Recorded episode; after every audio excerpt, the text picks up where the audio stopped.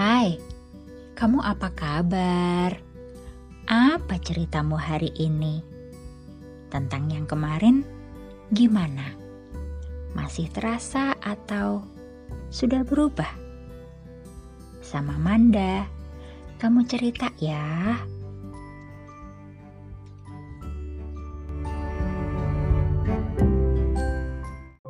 Aku tuh sering bertanya-tanya pria dan perempuan yang terlahir cantik, pinter, kaya. Apa iya dibully? Atau hanya kami yang serba kurang ini yang mengalami? Iyakah manusia lebih mudah celetuk celah daripada mengagumi? Menyudutkan itu karena risih atau iri. Sahabatku ini berbagi cerita tentang apa yang mengganjal di hati. Mungkin sekarang sudah tidak sakit lagi.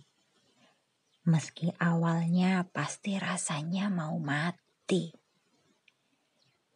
Sebelum berkomentar, cobalah pikir dua kali.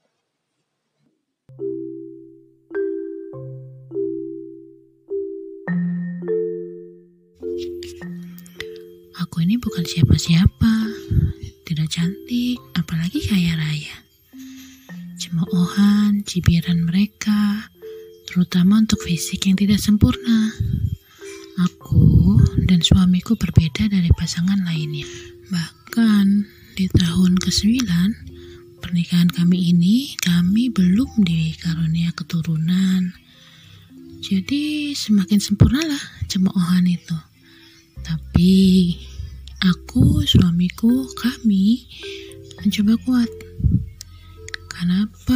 Prinsip kami tidak ada manusia yang sempurna. Ya, begitulah manusia. Menghakimi terlalu cepat. Tidak satu pun dari mereka ingin di posisi kami, bukan? Tuhan itu memberikan yang terbaik untukku, untuk Anda, dan untuk mereka, kalian semua. Pasti posisinya, porsinya pas dan layak untuk kita. Ya, bes cobalah besarkan hati, uh, cerna baik-baik omongan itu.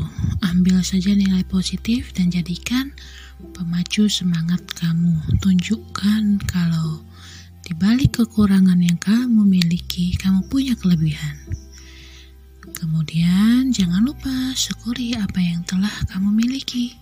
Karena belum tentu semua orang punya apa yang kamu miliki. Bahkan mereka yang bicara seperti itu bisa jadi iri atas sesuatu yang tidak mereka miliki tapi kamu punya. Pastinya kalau semua sudah dijalani, hidupmu akan indah, bahkan lebih indah.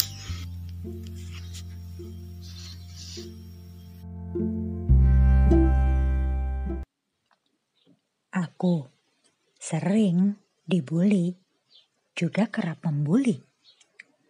Keduanya bukan hal yang ingin kuulang esok hari. Terima kasih ya sudah berbagi, bahkan ingin lagi. Kenapa tidak?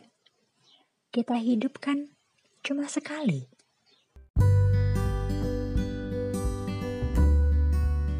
Terima kasih ya, kamu udah dengerin. Sekarang gantian. Pengalamanmu sendiri gimana?